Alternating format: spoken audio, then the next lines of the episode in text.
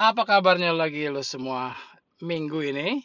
Kali ini podcast yang gua akan share eh, berbeda sedikit ya. Eh, ini pengalaman gua waktu jalan-jalan waktu itu ke Raja Empat. Jadi gua pernah ke Raja Empat tapi cuma sekali. Sekali itu doang dan nggak pernah balik lagi karena memang gimana ya? Pertama jauh dan juga banyak kendalanya. Mungkin sekarang kalau jalan ke sana tuh udah lebih easy lagi, lebih gampang ya, gitu. eh jadi kalau lo mau tahu, eh perjalanan gua ini cukup menarik sih, karena gua jalan rame-rame. Gua rasa sih nggak usah berbincang-bincang terlalu banyak deh. Kita langsung aja. Perjalanan gua ke sana itu, gua pergi dengan sebenarnya mestinya kita ada 14 orang tapi ternyata yang satu nggak jadi jadi kita 13 orang ya pergi ke Raja Empat. Uh, pulau-pulau yang kita kunjungin uh, kita ke Arborek ke Kri terus kita pergi juga ke Pasir Timbul yang namanya Pasir Timbul emang keren banget sih. Terus kita ke Waiwo juga. Nah, nah kita sebenarnya kita tinggal di di apa namanya di Waisa ya kita sewa rumah tadinya kita maunya sih tinggalnya di apa namanya di homestay tapi homestay itu nggak ada yang sanggup nampung kita 14 orang ya. Jadi terpaksa lah kita cari rumah dan kita sewa rumah selama kita tinggal di Waisai. Dan kita nginep juga satu malam di Mayaifun Mayaifun ya kalau salah namanya. Uh, kita tinggal di rumahnya di kantor distrik. Nah kantor distrik ini juga memang disediakan rupanya untuk kalau ada tamu-tamu yang datang mereka bisa nginep di situ ya. Di kantor listrik ada beberapa kamar yang memang disediain oleh bapak apa Asari sebagai kepala distrik di situ ya. Untuk turis yang datang kalau dia mau nginap ada tempat tidur ada bukan tempat tidur maksudnya kasur sama bantal selimut disediain sama dia. Uh, kalau bicara soal apa namanya uh, Raja Ampat aduh emang keren banget deh. Nggak tahu ya karena gue pertama kali sih ke sana. Apalagi waktu kita pergi ke apa namanya Teluk Kabui. Aduh itu namanya Teluk Kabui emang itu kars itu batu-batu karang itu emang keren-keren banget gitu. Ah, amazing ya apa kayak bukan ajaib sih. Nggak ada di tempat lain cuman ada di situ kayaknya gitu ya dan uh, kalau pergi ke Raja Ampat yang namanya makanan aduh ampun deh enak banget. Ikan-ikannya juga enak meskipun agak mahal ya. Uh, surprise juga sih kalau gue lihat orang-orang yang ke sana bilang mahal mahal memang mahal sih. Kita aja ini kita benar-benar bukannya ikut travel agent atau apa ya kita patungan istilahnya ya, sharing cost dan ada salah satu temen gue yang namanya Kathy dari pertama memang dialah yang ini ya dia ada temen memang sih yang punya kenalan punya bot di Raja Empat gitu. Apa uh, ada orang Raja Empat lah gitu orang Papua apa di Waisai gitu yang pegawai pemerintah gitu yang bisa dipinjemin botnya. Jadi kita ya patungan lah bayar apa namanya bayar bensin bayar apa drivernya bukan driver apa sih motores ya yang nyetir itu loh. Terus ya gitu pokoknya dari hari pertama sampai hari kelima itu nggak habis-habis gitu nggak bosen gitu. Pas udah pulang pun juga aduh kayaknya pengen balik lagi. Dan di antara kita ini yang, yang 14 orang eh 14 13 orang ini penjak dari pertama uh, eh, gue surprise juga kita nggak ada bentrok ya jadi sampai sekarang pun sampai hari ini ya uh, kami ini antara 13 ini masih saling texting. Jadi ya salah satu komunikasi yang kami bisa pakai cuman ya itulah WhatsApp itu ya untuk keuntungannya kita ada WhatsApp. Jadi bisa saling ya ledek-ledekan lah cerita apa saling kangen-kangenan macam-macam deh pokoknya ceritanya. Pokoknya seru gitu ya. Jadi memang uh, oh gue mau cerita sedikit mengenai Phone. Kita nginep semalam di sana. Uh, tempatnya enak sepi gitu. Kayak di kayak di pinggir pantai tapi belakangnya hutan gitu ya. Kalau buat yang orang-orang yang suka uh, ketenangan wah Mayufun memang tempatnya ya. Terus kita pergi juga ke Arborek. Nah di Arborek ini kalau yang suka snorkeling tempatnya memang di sini juga ya. Nggak usah jauh-jauh sih kalau mau snorkeling. Kita cuman lompat aja tuh dari dermaga ya di sini. Mereka bilang sana dermaga nyemplung turun ke bawah gitu. Waduh itu yang namanya koralnya apa koral live coral itu ya hidup gitu. Warna-warni terus sama ikan-ikannya juga. Keren keren banget. Arborek sendiri memang pulaunya bagus sih ya. Apa namanya begitu turun dari kapal tuh di dermaga begitu lihat aduh ampun dia punya ininya apa namanya pantainya pasirnya bersih. Anak-anaknya juga maksudnya orang-orang di Arborek itu baik-baik ya anak-anaknya. Uh, dan uh, note sedikit ada note di sini ya waktu kita jalan sebenarnya memang gue ada rencana dari dari US uh, apa yang gue bisa bikin buat buat anak-anak di sana ya. Yang tujuan kita memang anak-anak. Ya orang tua bukannya kita nggak mau ini ya karena memang gue juga ada baca-baca blog kayaknya anak-anak ini gimana bukan terkebelakang ya. Jadi jadi memang gue ada plan dari US gue bilang ah gue mau bawa buku. Dan gue kontak teman gue ini si Katie ini. Jadi kita saling ini atur aturan oh lu beli buku. Oke gue sumbang duitnya lu beliin buku. Gue juga akan bawa buku dari sini. Akhirnya kita beli buku beli baju juga beli baju kaos atau si Katie yang beli kayaknya ya. Jadi kita bagi-bagi tuh dari ada tiga pulau yang kita bagi-bagi buku-buku buat anak-anak sekolah anak-anak SD ya di Wawijaya Wawijaya Jaya. Nah, kita ke sana itu pulau yang pertama yang kita bagi-bagi. No, pulau kedua, bukan pulau pertama, pulau kedua. Pulau pertama kita bagi buku juga ke Bapak Azari untuk diberikan kepada sekolah apa namanya di situ untuk jadi mereka punya untuk tambahan buku di library-nya ya, di apa perpustakaan. Nah, jadi buku-buku ini juga kita bukan cuma kasih buku buku bacaan aja buat anak-anak tapi buku tulis alat-alat tulis juga. Nah yang kedua Pulau Wawijaya Jaya juga kita ada sumbang buku. Buku-buku tulis sama uh, alat-alat tulis juga ya pensil apa segala macam gitu ya. Uh, dan kepala sukunya itu waduh saya lupa namanya siapa. Baik banget gitu ya. Begitu dia tahu kita datang terus kita sumbang kita kasih buku eh malah dia datang kasih kita minuman kaleng itu gue bilang ih ini kita mau nyumbang malah dia kasih kayaknya uh, gimana ya itu minuman itu kayaknya cuma orang-orang tertentu lah yang dikasih kayaknya ya. Dia oh ini nih minum minum ini. Mereka bukan Coca Cola sih kayaknya apa gitu ada minuman kaleng. Wah hebat juga dia ada minuman kaleng kita kirain sini. Mereka mau kasih apa gitu tapi minuman kaleng wah boleh lah. Tapi ya kita hargain juga ya karena mereka berikan ya kita terima. Ya kita nggak mau ini ya. Tapi memang uh, kalau melihat kondisi keadaan desa Wawijaya Wawijaya Jaya ini memang kasihan ya. Satu sekolah itu mereka ada beberapa kelas kelasnya kosong. Kemudian juga gurunya cuma ada dua kalau nggak salah dua apa tiga ya untuk satu sekolah itu ya suatu sekolah. Dan saya sempat berdiskusi dengan kepala sekolah di sana juga. Dia bilang ya beginilah sekolahnya di sini begini. Uh, kadang-kadang ya anak-anak ini kalau mereka udah selesai sekolah dari sini tamat mereka keluar ke, pergi ke pulau. Jadi ke pulau lain untuk melanjutkan ke SMP atau SMA-nya ya karena di situ cuma ada SD aja. Dan kadang-kadang kedengarannya juga mereka anak-anak ini nggak terus sampai ke SMP gitu. Karena ya keada keadaan apa ekonomi di situ ya.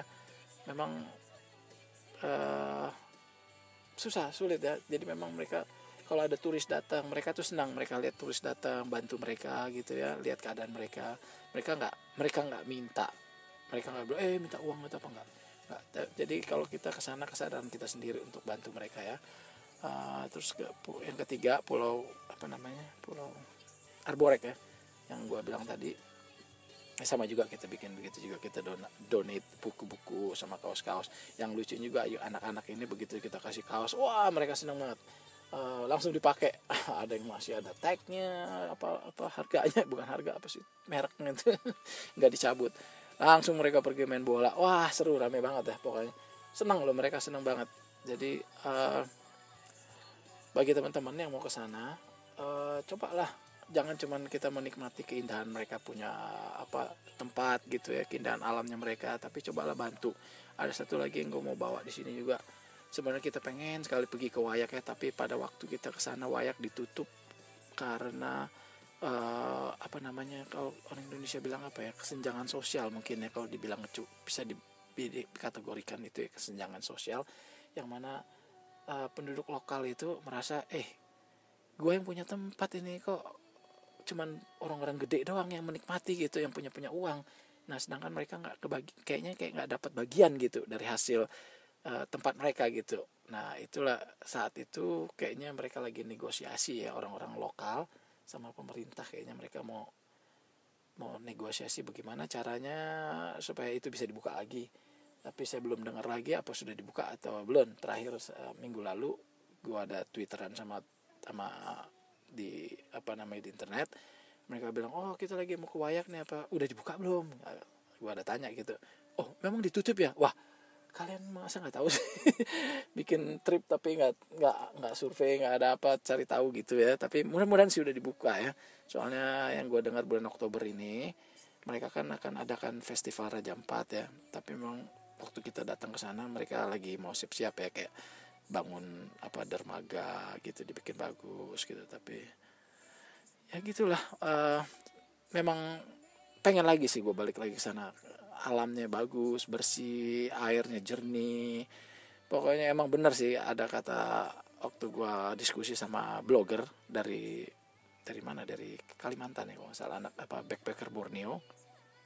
Dia bilang pergi aja lo lo pergi lo nggak mau pulang lo kalau udah lihat sana. Atau lo kalau udah pulang pengen balik lagi dia bilang. Emang bener sih uh, tempat emang keren gitu ya jadi teman-teman kalau mau pergi pergi aja. Cuman kalau bisa ya rame-rame jadi bisa tekan kos gitu ya. Apalagi yang dari Indonesia ya kayaknya masih jarang gitu yang ke sana pengen kalau lihat-lihat di blog itu kayaknya ke sana tuh mahal mahal gitu ya. Tapi kalau pinter-pinter cari kayak promosi kita sendiri cari promosi tiket ya kayak merpati terus naik Air Asia uh, ya cara-cara yang murah lah gitu ya. Uh, kalau dapat good deal bisa murah sih ke sana. Dan saya anjurin juga kalau bisa bayar ramean supaya bisa ditekan lagi harganya. Soalnya harga maka apa makanan juga mahal. Kemudian bensin yang paling mahal sih di sana. Tapi cobalah kalau bisa ikut apa namanya uh, travel travel agent nggak tahu ya kalau bisa lebih mahal atau lebih murah. Tapi ya gitulah itulah sedikit cerita gue uh, yang gue suka dari sini teman-teman gue nggak ada satupun yang apa namanya saling bentrok gitu ya saling gak setuju atau walaupun kita tinggal di satu rumah ngebayang nggak rumah ke kecil tiga kamar 13 orang makannya gimana mandinya gimana tapi kita senang aja ya seneng gitu. Uh, kita rencana mau trip lagi cuman belum tahu nih apa mau ke sana lagi? Memang kita udah ngomong-ngomong mau ke Misul ke Misul tapi ya belum tahu ya. Atau mau trip ke tempat lain gitu. Tapi tetap grup kita ini lagi ya. Grup ini juga yang sama gitu yang akan pergi. Ya mudah-mudahan sih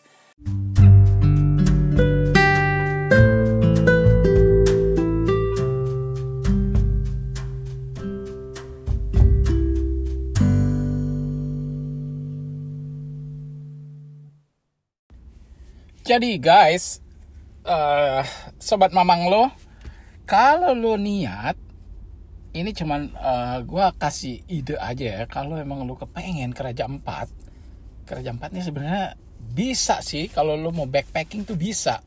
Uh, ya karena waktu gue bikin trip itu gue rame-rame ya karena anak-anak ini juga teman-teman gue ini sama teman-temannya juga jadi teman-teman gue lah istilahnya semuanya ya itu belum ada yang pernah ke sana. Jadi pas gua sih yang bikin trip itu gua. Uh, gua kontak salah satu temen gue itu yang namanya Katy itu eh mau nggak? Gitu. Ini juga gua ketemunya kebetulan sih ketemu di internet gitu kan. Karena waktu itu gua buka. Jadi gini ceritanya. Uh, gua buka trip ini gua masukin di backpacker Indonesia di websitenya. Uh, gua cari temen gitu. Uh, dan dan lo bisa juga sih kalau lo orang mau bikin uh, cara yang gue bikin bisa juga sih cara begitu. Jadi gue buka di backpacker Indonesia di websitenya. Cari temen yang mau ke Raja Empat gitu. Nah di situ baru yang pertama nih yang komen temen uh, si Katy ini temen gue ini. Bukan temen gue sih maksudnya jadi temen gitu ya. Dia komen eh lu serius mau ke Raja Empat? Iya serius gue bilang. Eh kalau mau gue gabung deh. Nanti kita cari temen. Jadi gitulah akhirnya kita cari temen dia cari temennya temennya cari temen lagi. Total waktu itu jadi 14 tapi yang pergi cuma 13 akhirnya ya karena yang satu nggak nggak bisa lah pokoknya. Mungkin dana pendanaan juga sih karena memang waktu itu mahal sih ya uh, waktu gue bikin trip ini. Nah ya kalau kau mau diakalin kalau menurut gue ya uh, lu bisa nih lu terbang dari Makassar atau mungkin kalau ada alternatif lain ya untuk yang penting lu sampai dulu lah di Sorong. Nah di, dari Sorongnya ini lu bisa naik kapal cepat namanya. Nggak tahu waktu zamannya gua sih belum ada ferry gua rasa ferry juga nggak mungkin ya kalau ferry yang model-model kayak waktu gua ya ferry-ferry model kayak itulah yang kalau lu pernah traveling apa dari Merak ke Bakahuni gitu ya dari Jawa ke Sumatera atau kalau lu pernah juga ke Karimun Jawa, gue pernah ke Karimun Jawa waktu itu naik ferry juga, naik kapal cepat juga. Nah ini perbedaannya, kayaknya nggak mungkin karena jauh dari Sorong itu ke Waisai ya ke pelabuhan Waisai itu namanya. Itu jadi uh, Raja Empat ini pusat Raja Empat ini adanya di Waisai. Uh, waktu yang nggak tahu kalau sekarang udah berubah lagi ya gue belum cari informasi lagi. Nah jadi lu naik kapal cepat dari Sorong ke Waisai wah ini lumayan sih. Ini udah dibilang kapal cepat juga. Gua waktu itu kalau nggak salah sih 4 jam ya? 4 jam atau 5 jam gitu. Nah, yang waktu gua pertama dari waktu gua pergi sama teman-teman gua ini, gua dari Sorong itu gua ada kapal, ada kapal uh, distriknya Raja Empat nih ya, bukan yang dari Sorong. Jadi orang Raja Empat itu dia kerja di itu yang seperti gue bilang itulah dia dia pegawai pemerintah kebetulan pemerintahannya ini Raja Empat kan perairan semua apa namanya pulau-pulau nah mereka punya boat Nah, jadi mereka bisa pinjemin kita bot. Dia bilang, oke, okay, lu orang kan mau jalan-jalan. Dia pinjemin bot, lu orang bayar ini aja deh pegawai-pegawainya itu sama beli bensin gitu. Jadi botnya sih bagus waktu itu. Jadi kita cepet tuh dari Sorong sampai ke Waisai itu cuma dua jam. Sekitar dua jam malah mungkin nggak sampai deh. Pokoknya cepet banget gitu. Itu speedboat sih soalnya ya. Dan speedboatnya ini muat sekitar ya buat kita lah sekitar 20 orang gitu bisa muat sih kalau di ini. Soalnya kalau menurut itunya sih kita kan 14 orang 13 orang tuh sama mereka punya apa namanya pegawainya kayak uh, yang tukang-tukang itunya lah yang motoresnya terus sama ada wakilnya lagi kan yang ada teknisiannya juga gitu yang kalau tukang ngisi-ngisi bensin itu lah. Pokoknya soalnya waktu gue perjalanan itu aja itu kapal tuh jalan terus nggak berhenti. Mereka cuma pindahin aja tuh bensin dari sini ke sini sini ke sini gitu ya. Jadi ya gitu. Bisa diakalin. Kalau lo mau coba backpacking bisa jadi lo terbang ya dari mana aja pokoknya lo mesti sampai di Sorong dulu dari Sorong nah lo pergi naik uh, kapal cepat itu ke pelabuhan ya ke pelabuhannya lo naik kapal cepat yang ke Waisai. Nah dari Waisai Nah itu lu cari tahu aja sih sama nelayan-nelayan situ itu banyak nelayan sih orang-orang lokal yang kayak apa namanya uh, bukan sewain bot sih jadi lu bisa nego lah gitu istilahnya kan nego eh uh, pak gue mau ke sini mau ke sini mau ke sini gitu. Ya kalau gue waktu itu sih perjalanan gue lumayan cukup jauh ya. Dari dari Waisai itu gue ke ke Kri ke Sorido Resource juga. Ya koridor Sorido Resource ini sama Kri sama. Nah kebetulan juga waktu itu juga gua punya uh, kayak yang leader kita lah yang nganter-nganter kita jalan apa namanya bawa-bawa kita ke pulau-pulau itu dia salah satu pegawai di Sorido Resource jadi kita dibawa juga ke tempat kerjaannya itu karena dia nggak kerja dia off dia bawa kita jalan-jalan ke resource-nya tempat dia kerja itu bagus sih Sorido Resource ya Nah dari situ juga nggak jauh tuh ke Kri, terus ke, ada namanya Pasir Timbul, dan kita dibawa juga ke itu setiap hari itu beda-beda tuh. Kita lima hari soalnya di di apa namanya di Raja Empat ini ya di Waisa ya, bukan di Sorong ya. Sorong tuh lain lagi tuh. Jadi ya kita dibawa ke Pasir Timbul, bawa ke apa namanya tuh yang Kars itu, Teluk Kabui. Oh itu bagus tuh. Nah jadi saran gue coba aja kalau kalian mau coba bisa backpacking ini bisa uh, kalau bisa ya memang ya cari teman sih jadi untuk tekan budget lagi ya dan lu bisa sewa mungkin kalau lu backpacking lu bisa ketemu apa namanya penduduk-penduduk situ tuh di Waisai orangnya baik-baik. Benar. Mereka memang kelihatannya sangar ganas gitu tapi orangnya baik-baik. Salah satu gue punya ini juga yang uh, leader kita ini kan ada berapa orang nih yang bawa tur kita. Nah dia tuh baik banget tuh. Dia gua pertama ketemu sih wih serem amat nih orang kayaknya ganas atau apa. Ya ternyata baik banget gitu ya. Jadi lo jangan takut-takut kalau mau backpacking tinggal di Waisai ketemu orang lokal mungkin lu bisa sewa kamar atau apa gitu ya. Soalnya yang gua tahu tuh mahal karena jampat tuh mahal. Apalagi lu mau sewa-sewa kayak ya itu homestay gitu ya. Homestay yang di pinggir-pinggir laut itu wah gua nggak tahu sih harganya berapa ya. Waktu itu sebenarnya kita sanggup. Cuman homestay itu kan rata-rata paling paling kenceng cuman punya dua dua kayak kamar gitu. Dan homestaynya itu kecil. Yang kapasitas mungkin cuman bisa empat maksimum mungkin enam lah istilahnya dia nggak bisa. Kita udah kontak kontak satu satu satu satu gitu sama ibu-ibu di situ. Dia bilang wah nggak bisa terlalu banyak. Dia bilang gitu. Jadi ya udah akhirnya dapat saran mereka bilang udah sewa rumah aja. Akhirnya kita sewa rumah penduduk. Kita nyari nih. Nyari sewa rumah penduduk ada. Jadi yang punya rumahnya itu rupanya tinggal di tetangganya gitu saudaranya. Karena ke situ banyak itu saling saudara gitu kan. Jadi dia pindah dia tinggal di rumah saudaranya rumahnya itu kita pakai. Gitu untuk ya selama kita lima hari di uh, apa namanya di Waisai ini ya. Jadi uh, pagi kita pergi pulang udah malam. Nah terus ada juga yang kita pergi pagi pulang baru besok lagi tuh baru pulang ke rumah gitu ya. Nah terus ada juga yang ya gitulah rata-rata kita bolak balik bolak balik gitu. Jadi gua saranin bisa.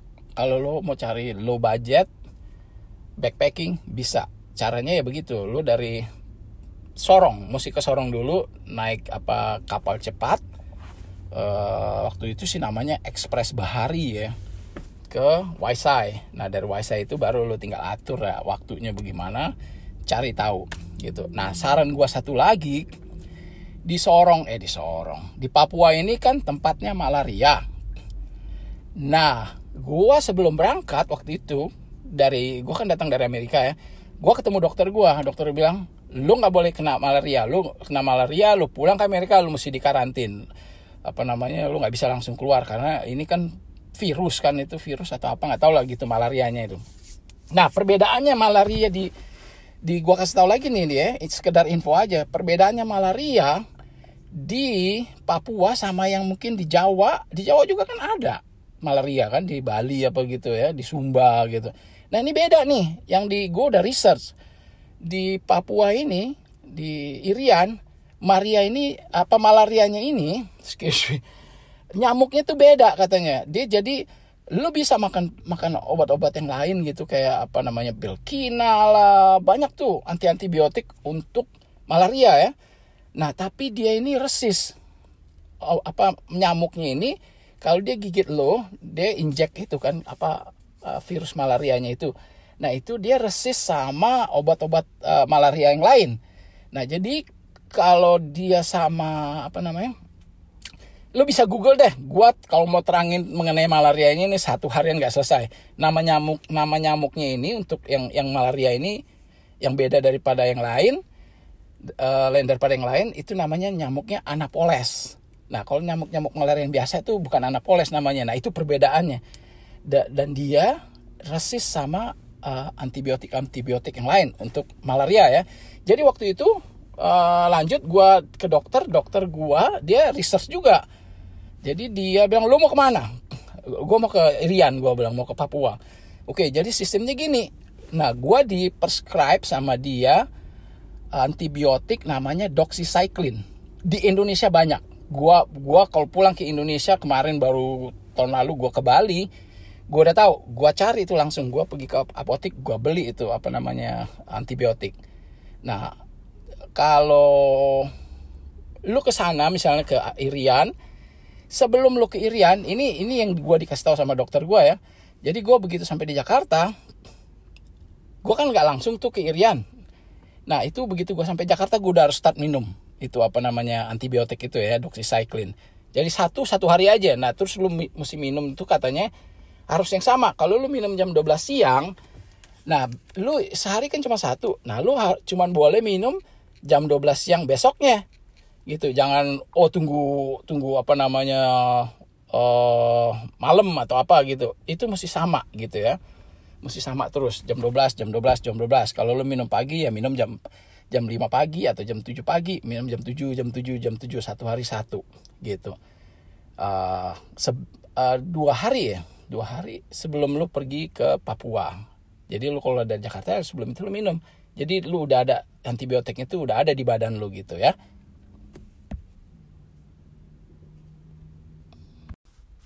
Oke lanjut. Uh, jadi setelah lu minum satu hari satu hari gitu, nah ini menurut dokter gua, saran dokter gua dia bilang uh, itu terus tuh. Misalnya lu lima hari di Papua, ya lu minum kan sehari satu, sehari satu gitu ya. Nah begitu lu pulang dari Papua itu lu masih terus harus minum selama tujuh hari. Tuh tujuh hari, lima sampai tujuh hari. Jadi lu misalnya uh, tanggal 10 lu pulang ke Jakarta, Nah itu dari tanggal 10 sampai tanggal 15 tuh lu masih harus tetap minum. Karena kenapa? Uh, kita nggak tahu nih itu apa namanya virusnya masih ada di dalam badan kita karena kita kan digigit nyamuk terus tuh di, di Papua tuh. Nah jadi untuk uh, karena lu udah keluar dari Papua kan, jadi lu udah nggak digigit nyamuk lagi nih. Nah lu pulang ke Jakarta, lu tetap harus minum supaya apa yang virus yang ada di badan lo itu uh, dengan antibiotik ini dia dia apa kayak apa sih dia fight gitu ya. Jadi antibody lo gitu untuk untuk apa apa ngelawan virus ini gitu virus dari nyamuk ini ya. Nah itu yang info yang gue dapat dari uh, yang dikasih sama dokter gue jadi ya itu yang kayak tadi gue bilang uh, setiap gue pulang ke Indonesia udah berapa kali sih? Yang terakhir tuh ya sama waktu gue kemarin ke Bali ya tahun lalu uh, bulan akhir tahun ya akhir tahun lalu tuh bulan-bulan September. September apa November? Gue lupa. Uh, eh, gue bawa beli itu juga sama. Beli apa namanya beli antibiotik ini di di apotek. Nah waktu kapan juga pernah sebelumnya ini uh, eh, gue ada gue cuman berdua ya kalau nggak salah dari Amerika. Gue main ke Bali sama Nusa Penida nih sama travel partner gue kan. Nah waktu gue waktu gue nyampe masih oke. Okay apa tapi gue udah bawa tuh. Gue masih ada stok dari Amerika kan. Uh, tinggal satu apa dua pokoknya gue uh, siapin aja gitu. Benar. Jadi begitu gue sampai di waktu masih sampai Jakartanya sih masih oke okay, belum masalah gitu. Nggak ada demam-demam gitu ya nah terus gue ke Bali. Begitu di Bali begitu gue sampai di Nusa Penida gue punya travel partner ini demam badannya. Gue ada curiga wah lu digigit nyamuk. Bener gue liat tangannya merah gitu bentol-bentol gitu kan. Nggak nggak nggak tahu kejuntrungannya apa. Dia demam panas dingin bawa keringat gitu. Gue bilang wah malaria nih. Benar langsung gue ambil satu itu doxycycline. Nah doxycycline ini uh, cuma satu satu atau dua gitu ya gue bilang wah ini stok gimana caranya? Akhirnya ya udah yang penting gue kasih dulu kan. Dia minum mal malam nih begitu dia udah rasa apa udah demam gitu gue kasih minum malam. Paginya itu gue udah rencana nih wah nggak bisa kita jangan kita harus keluar nih dari Nusa Penida karena kalau lu sakit berabe nih di sini nggak ada dokter nggak ada apa Nusa Penida kan lu tahu kan? Jadi gue udah udah planning uh, besok pagi kita harus pindah nih keluar dari Nusa Penida kita pindah tinggal nginep di Bali aja. In case kalau dia sakitnya parah kan di di Bali kan ada dokter gitu istilahnya kan. Akhirnya ya udah gue bilang udah minum ini aja. Malam itu dia tidur semalaman itu habis minum itu tuh bah, keringat habis badannya. Begitu pagi tau nggak? Hilang itu demam tau nggak mungkin ya kalau menurut gue sih memang obatnya tuh kerjanya emang bener-bener ya canggih gitu ber, bekerja gitu. Nah besokannya ya sama akhirnya gue kasih itu terus. Apa hari keduanya itu gue kasih lagi itu apa antibiotik ini. Terus besokannya waktu kita pindah setelah kita pindah ke Bali nginep di Bali ya gue mampir ke apa namanya ke apotek beli lagi tuh apa namanya uh, antibiotik doxycycline ini ya jadi sekedar info uh, kalau lu kena malaria minum aja doxycycline. Kalau lu per, perjalanan lu lu pergi ke Papua ya ingat-ingat kalau lu ke Papua bawa itu doxycycline. Gua bukannya gua nggak percaya sama pilkina sih orang-orang bilang juga pilkina pilkina ya, ya tapi gua nggak tahu gua belum pernah itu coba belum pernah coba itu pilkina ya. Gua gua cuman yang gua pernah gua pakai yaitu antibiotik doxycycline namanya nah itu di apotek lu bisa beli bebas gitu ya. Jadi ya gitu. Uh,